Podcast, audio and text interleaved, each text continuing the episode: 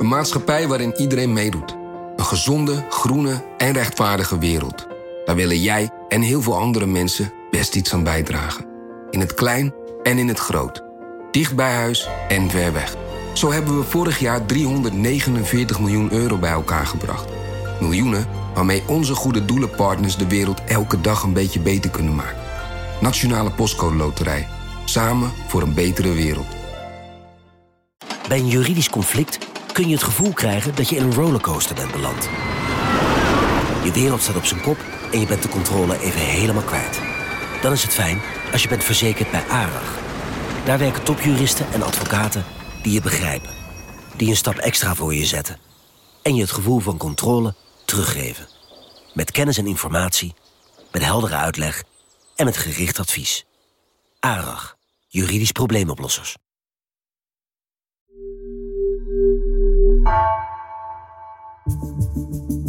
Vanaf de redactie van NRC het verhaal van vandaag.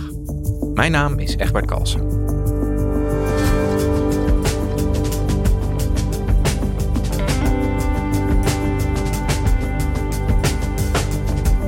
Het duo Richard en Selma Eikelenboom stelt forensische rapporten op in tientallen geruchtmakende misdrijven. Op basis daarvan werden mensen veroordeeld of juist vrijgesproken. Deze week veegde de rechter een van hun rapporten in de Rosmalense flatmoord van tafel.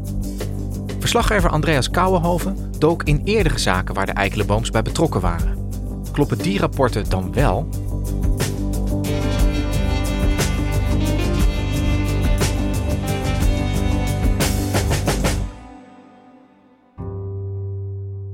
Dit verhaal begint met een uh, liniaal. Een groep studenten gaat een aantal jaar geleden met een liniaal de straat op en vraagt aan willekeurige voorbijgangers: hoe zou u met deze liniaal uw keel doorsnijden? Um, ja, dat eh, doen die studenten omdat zij een moord aan het onderzoeken zijn, waar al een rechterlijke uitspraak over is geweest. Een man die is veroordeeld voor het, uh, doden van zijn vriendin. Hij zou haar keel hebben doorgesneden. Maar er is wat twijfel over die zaak, want het zou ook misschien wel een zelfmoord kunnen zijn. Die mevrouw zou ook zelf met dat mes haar keel hebben kunnen doorsnijden. En dus willen de studenten weten, hoe, ja, hoe zou u dat eigenlijk doen? En dat is de zaak eh, van de Rosmalense flatmoord, waar dus nu uh, deze week van duidelijk werd dat het een gerechtelijke dwaling was. Goedemiddag. Opnieuw een rechterlijke dwaling in Nederland. Een man heeft voor de Rosmalense flatmoord 14 jaar ten onrechte vastgezeten. Het gerechtshof in Arnhem heeft Rob B. vrijgesproken. Het hof bekeek de zaak opnieuw omdat er twijfel was over het bewijs in april 2000 vond Rob B. in deze flat zijn vriendin met doorgesneden keel in het halletje van hun woning. Volgens deskundigen kon de vrouw dat niet zelf hebben gedaan, maar volgens het Hof rammelt dat onderzoek en is B. ten onrechte verdacht. En waar die studenten achter kwamen, was dat iedereen op een andere manier dat eigenlijk zou doen. En waarom is dat uh, nou van belang? Omdat er in deze zaak door uh, twee uh, forensisch experts was gezegd dat deze mevrouw haar keel eigenlijk niet kon hebben doorgesneden, omdat zij rechtshandig was en het, de snijrichting zou dan niet kloppen. Nou, dat is he, zo overgenomen door de rechter. En mede daardoor kwam de rechter dus op, een, uh, op, de, op de uitspraak dat het wel een moord zou moeten zijn. Die forensische deskundigen, dat zijn uh, Selma Eikelenboom en Richard Eikelenboom. Ja, hun deskundige rapport is eigenlijk in deze gerechtelijke dwaling leidend geweest voor de rechtbank. Dat rapport van, uh, van Selma en Richard, dat is nu van tafel geveegd. En de man die dus aanvankelijk was veroordeeld voor moord, Rob B., die is vrijgelaten. Dat hij onterecht uh, is, uh, is veroordeeld. Ja, aan tafel, de advocaat van de verdachte. Wat is er misgegaan in deze zaak dat heeft geleid tot zijn veroordeling? Doordat in ieder geval veel te veel geloof is gehecht aan twee deskundigen waarvan je achteraf maar ook toen kon je al dingen zeggen, dit, dit had niet mogen gebeuren. Met mijn collega Bram Endendijk zijn wij daar nu uh, verder in gedoken. En zijn wij eigenlijk nagegaan uh, ja, wat de staat van dienst is van dit echtpaar Eikelenboom. Die in heel veel andere zaken ook rapporten hebben geschreven. Waar, soms op basis waarvan mensen dus uh, ook zijn veroordeeld. En het blijkt eigenlijk niet de eerste keer te zijn dat zij in opspraak zijn geraakt. Andreas, forensisch onderzoekers, de meneer en mevrouw Eikelenboom gaan we het over hebben. Wat, zijn dat voor mensen? Over wie hebben we het hier? Dat is een echtpaar dat elkaar heeft leren kennen toen zij allebei voor het eh, NFI werkten, het Nederlands Forensisch Instituut. Dat was uh, begin 2000. Richard Eikelenboom was daar een, een, sporenonderzoeker en ook echt een soort rising star binnen het NFI. Hij mocht best wel complexe zaken doen. En Selma Eikelenboom die werkte op de afdeling biologie. Zij was forensisch arts. En dat uh, was eigenlijk een heel gedreven echtpaar. En, en heb je voorbeelden van belangrijke zaken waar zij bij betrokken zijn geweest? Ja, ze zijn bij heel veel zaken betrokken geweest. Onder andere de Schiedammer Parkmoord en uh, de Deventer moordzaak. Daar hebben zij baanbrekend werk verricht. Richard Eikelenboom was jarenlang sporenonderzoeker bij het NFI. Hij deed cruciaal DNA-onderzoek in onder meer de Paskamermoord en de Puttense moordzaak. In de Deventer moordzaak onderzocht hij eerst het verkeerde mes. Een paar maanden later vond hij in twee onderzoekssessies DNA van Lauwers op de blouse. Richard Eikelenboom die vond onder meer dus in de Deventer moordzaak vond hij het DNA op de blouse van de weduwe. Dat dus afkomstig bleek te zijn van Ernst Lauwers. En um, nou, hij is er dus eigenlijk bijna persoonlijk voor verantwoordelijk dat die zaak dan uiteindelijk is opgelost. Maar beide kregen eigenlijk ook ruzie al snel bij het, uh, bij het NFI. En dat eh, doet zich vooral voor rond de Schiedammer Parkmoord. Daar wordt uiteindelijk dus iemand op DNA-bewijs onterecht veroordeeld. En Eikelenboom uh, die zegt van ja, dat wisten wij eigenlijk al bij het NFI. Wij hadden al die gegevens dat deze dader uh, het waarschijnlijk niet was.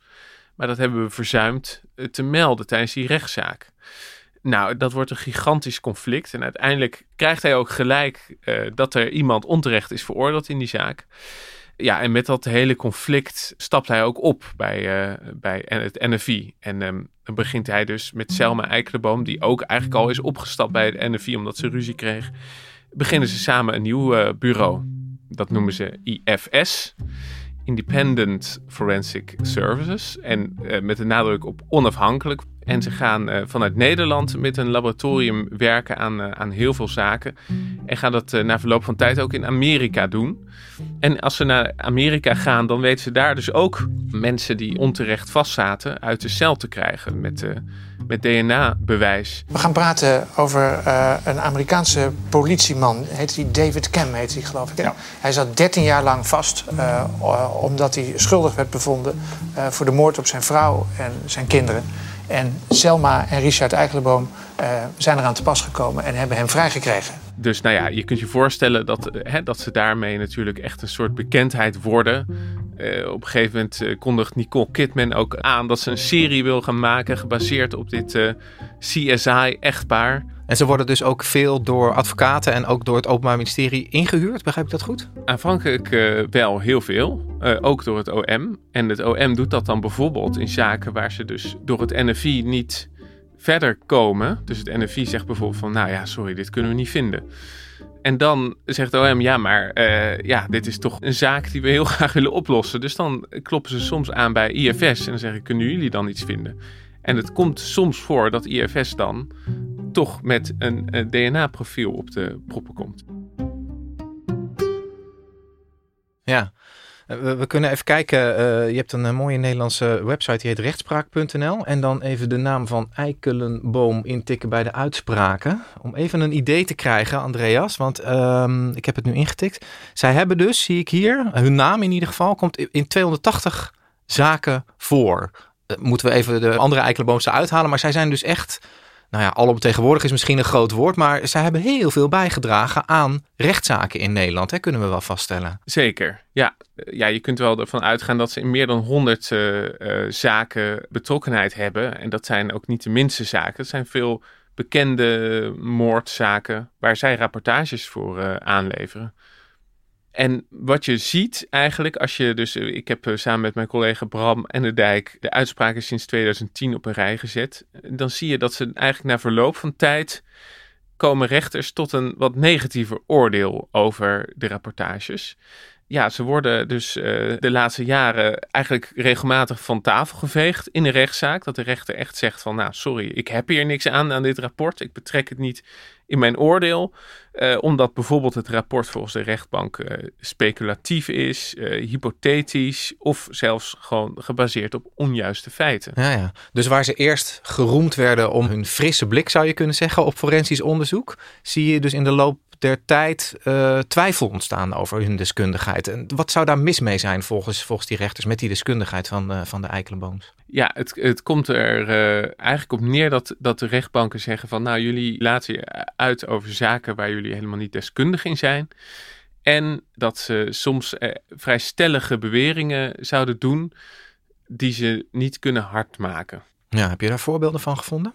Nou, er zijn een aantal voorbeelden waarin zij uh, rapportage aanleveren in uh, moordzaken.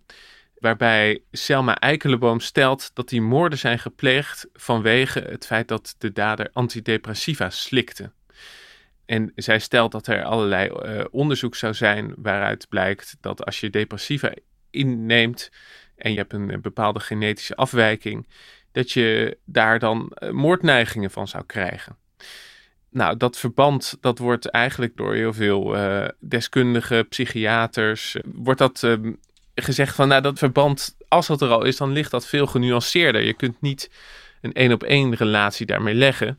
Dus dat verband, daar is zij volgens, eh, volgens alle deskundigen eigenlijk veel te stellig in. En niet deskundig ook op dat gebied. Dus zij trekt grote conclusies op een terrein waar ze eigenlijk de verkeerde conclusie trekt en in ieder geval zelf geen kennis van heeft, zou je, zou je kunnen zeggen. Ja, en zelfs kijkt ze daar anders tegenaan en zegt ze van, nou ja, ik ben uh, gewoon arts, dus ik, uh, ik, kan mij heus wel verdiepen in de medische literatuur. En uh, dus zelf vindt ze zich eh, wel deskundig op dit terrein. Een andere zaak waarin hun rapport van tafel is geveegd, is de zaak van Koen Everink, de vermoorde zakenman. Zakenman Koen Everink is doodgevonden in zijn huis in Beeldhoven. Mogelijk is hij door een misdrijf om het leven gekomen. De politie doet op dit moment onderzoek rond het huis. In die zaak worden zij ingezet door de verdediging eh, van de verdachte. En die verdachte die claimde dus dat hij zou zijn ontvoerd door een groep mannen bij de woning van Everink. Dus dat hij het niet gedaan had. Nou, dan zie je dat zij dus met een rapport komen dat de verklaring van die verdachte eigenlijk zou ondersteunen. Namelijk, ja, de moord zou gepleegd zijn door meerdere daders. En ja, die conclusie die, die verkondigen ze dan ook al meteen, nog tijdens de rechtszaak, in, uh, in allerlei televisieprogramma's waarin ze komen uitweiden. Nou, als je kijkt naar de verwondingen, dan, uh, dan is het onwaarschijnlijk dat die door één persoon zijn, uh, zijn toegebracht. Okay. En uit dit verwondingenpatroon blijkt dat er aanwijzingen zijn dat er meerdere, dat er meerdere wapens en meerdere daders bij betrokken zijn geweest. En dat kan wetenschappelijk, forensisch, kan het onmogelijk door één persoon zijn gedaan dat rapport van hun, dat krijgt dus heel veel aandacht. Je ziet eigenlijk in alle media dat die dat ook overnemen van... hey, de moord zou gepleegd zijn door meerdere daders. Dat zie je overal terugkomen. Maar eigenlijk heeft niemand het dan meer uh, over uh, wat er dan uiteindelijk in het vonnis staat over dat rapport. Namelijk de rechter zegt niet alleen van... nou, ik vind dat deze verdachte uh, dat gewoon heeft gedaan... en dat er niet meerdere daders waren. Maar de rechter is ook vernietigend over het rapport van hen. Dat ze dat eigenlijk op allerlei aannames baseren die ze niet kunnen onderbouwen. Om daar een simpel voorbeeld van te geven. Zij stellen in dat rapport van ja, Koen Everink heeft zich kranig verweerd. Uh, dus hij moet onder controle zijn gehouden. Dus er zullen dan wel meerdere daders zijn. Maar de rechtbank zegt van ja, maar die eerste aanname, die, die maken jullie al niet hard. Dat hij zich kranig heeft verweerd. Ja. Dus dan wordt het dus een rapport vol aannames. En daar heeft de rechter uh, van gezegd, nou hier kan, ik, uh, hier kan ik ook niks mee. Nee, dus aannames in plaats van feiten in het geval van de moord op Koen Everink. Deze week dus die, die Rosmalense flatmoord, waarbij ook weer een rapport van hun van tafel is gevecht. Wat, wat was daar precies mis mee volgens de rechter? Ja, in dat rapport zie je eigenlijk hetzelfde gebeuren. Dat zij hè, dat zelfmoordscenario uitsluiten dat er daarmee dus eigenlijk wel een andere dader moest zijn. En dat zou dan die, die, die man zijn. En ja, Richard Eikelenboom, die, die uh, stelde dus ook in zijn onderzoek van ja, hij had uh, bloedsporen op zijn broekspijp zitten. En dat, dat zou dan matchen met het scenario dat hij uh, de moord zou hebben gepleegd. Maar toen daar dus nog een keer naar is gekeken, werd eigenlijk duidelijk van ja, mm, die, die bloedspoor op die broekspijp, dat zou ook gewoon kunnen zijn omdat hij na die moord zijn vriendin heeft gevonden. En dat er een hondje rondliep die die bloedsporen op zijn broekspijp zouden kunnen hebben gebracht. Peter van Koppen, rechtspsycholoog, veel onderzoek gedaan ook in deze zaak. Wanneer was voor jou het moment waarop je echt dacht van hey, ik heb dit nu nou, gezien, voor dat kan was niet een kloppen. belangrijk moment van een van de twee deskundigen, eh, Richard Eikelboom, de, de bloedspattenman. Die, eh, die, die eh, was ter plekke met een rechtercommissaris. En eh er werden hem allerlei vragen gesteld over wat er gebeurd zou zijn. En je zag het hem ter plekke verzinnen. En geen deskundige Nou, zal ja. dat doen. Bovendien was de rest van de dader, die man dus uiteindelijk eh, onterecht is veroordeeld, had hij verder helemaal geen bloed op zich. Terwijl er toch wel een keel is doorgesneden en de muur wel onder zat. Dus eigenlijk, als je het goed bekijkt, zou het scenario dat zij zelfmoord heeft gepleegd eigenlijk veel waarschijnlijker zijn dan dat hij die moord had gepleegd. Maar toch stelde Eikelenboom het, het tegenovergestelde in zijn Ja. onderzoek. Je, schetst nu drie voorbeelden, eh, recente voorbeelden. Hoeveel van dit soort twijfelgevallen zijn jullie eigenlijk tegengekomen in je onderzoek? Nou, wij hebben alleen de zaken sinds 2010 bekeken. En het is moeilijk om ergens een eh, sticker op te plakken van twijfelgeval. Want er zijn eh, zaken waarin rechters wel zijn meegegaan. Maar de andere deskundigen zeiden van ja, maar dit klopt niet. Dus dat is moeilijk om daar een, een, een getal aan te verbinden. Maar je ziet toch in ieder geval in een hele reeks zaken dat de rechter zegt van nou, dit rapport hier kan ik niks mee, want dit is niet goed onderbouwd. Hey, en Andreas, leidt dat nou ook tot meer sceptisch, zou je kunnen zeggen? Je, je, noemt een aantal zaken waarin echt evident is dat het materiaal wat die familie Eikelenboom heeft aangeleverd eh, eh, niet betrouwbaar was eh, en dus ook van tafel is geveegd.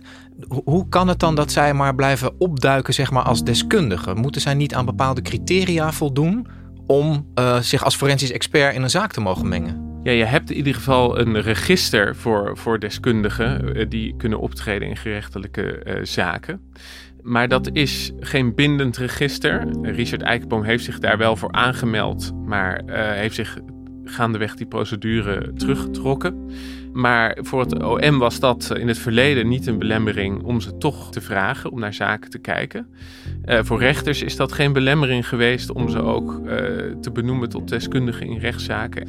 Eh, uiteindelijk is het dus aan de rechter om ook goed te kijken naar wat er wordt aangedragen en hoe zorgvuldig zo'n rapport is. En daar kijken de rechters over het algemeen natuurlijk wel heel goed naar. Maar dat kan wel eens eh, fout gaan, zoals in de flatmoord het geval was.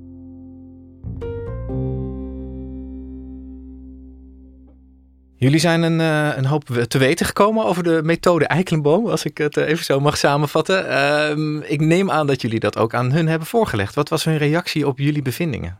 Ja, er kwam een reactie per mail terug, want die ontzettend veel bladzijden beslaat. Eh, ook twaalf bijlagen er nog bij. En dat alles bedoeld om eigenlijk hun gelijk te halen. Waar, dus waar rechters zeggen dat het rapport niet klopt, dan zeggen ze van ja, maar dit is gewoon een gerechtelijke dwaling. En waar eh, deskundigen zeggen van ja, maar ze hebben er geen verstand van, dan zeggen zij van ja, dat, dat hebben wij wel. Ik ben toch arts, zegt, eh, zegt Selma Eikelenboom. Ik eh, kan toch gewoon als arts andere stukken van andere artsen lezen. Die kan ik toch ook beoordelen. Dus ehm, ja, zij staan echt nog vierkant achter alle rapporten. En zij vinden de verwijten zeer onterecht. Bij hen zelf zit er dus geen enkele twijfel over hun eigen deskundigheid. Ehm, dat onderzoek wat jullie hebben gedaan en de, de keren dat de rechter dus heeft ge- geconstateerd dat het onderzoek wat zij hebben geleverd dus niet deugt. Gaat dat nou nog consequenties hebben? Eh, gaat ook in de justitiële keten er nu anders naar die rapporten van, van Selma en Richard Eikelenboom gekeken worden, denk jij? Ja, dat denk ik eh, zeker. Ik denk dat, eh, dat deze zaken veel gevolgen zullen hebben. Want er zijn natuurlijk heel wat verdachten veroordeeld, mede op basis van de rapporten van het echtpaar Eikelenboom. En je kunt dus wel verwachten dat advocaten zaken zullen, zullen gaan aandragen waarbij ze zeggen van hé, hey, mijn cliënt is eh, onterecht veroordeeld. En eh, de eerste zaak die staat eigenlijk al eind deze maand op het programma. Dan eh, dient er een hoger beroep in de zogeheten kofferbakmoord. Dat eh, gaat over een mevrouw die in een uitgebrande auto in een kofferbak gekneveld teruggevonden. En haar ex-vriend is, eh, is toen veroordeeld, bijna louter op het bewijs dat Eikelenboom daarover had gevonden. Die heeft in dat materiaal vanuit die kofferbak toch een DNA weten te krijgen, wat volgens hem gelinkt was aan de ex. Maar opvallend in die zaak is dat de andere forensische bureaus die link niet konden vinden. Dus dan zal die zaak dus eigenlijk voor een heel groot deel draaien weer om de vraag hoe betrouwbaar is het rapport van Eikelenboom. Ja, en als dan weer zou blijken dat er, eh, dat er iemand is veroordeeld en dat dat uh, in hoger beroep wordt teruggedraaid, ja, dan zal dat natuurlijk wel andere advocaten ook op uh, ideeën gaan. Ja, dus met terugwerkende kracht gaan een aantal van die, van die rapporten Eikelenboom alsnog heel scherp tegen het licht gehouden worden. Ja, dat is wel de verwachting, ja. ja. Dankjewel voor je verhaal, Andreas. Alsjeblieft.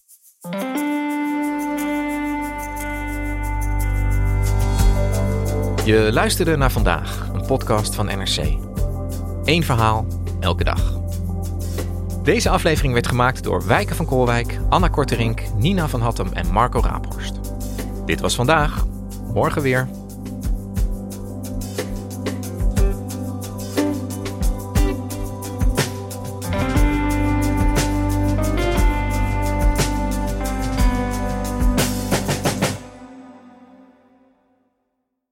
We zijn heel benieuwd wat jij van onze podcasts vindt. Je helpt ons enorm door een korte vragenlijst in te vullen op nrc.nl/slash podcastonderzoek. Dankjewel.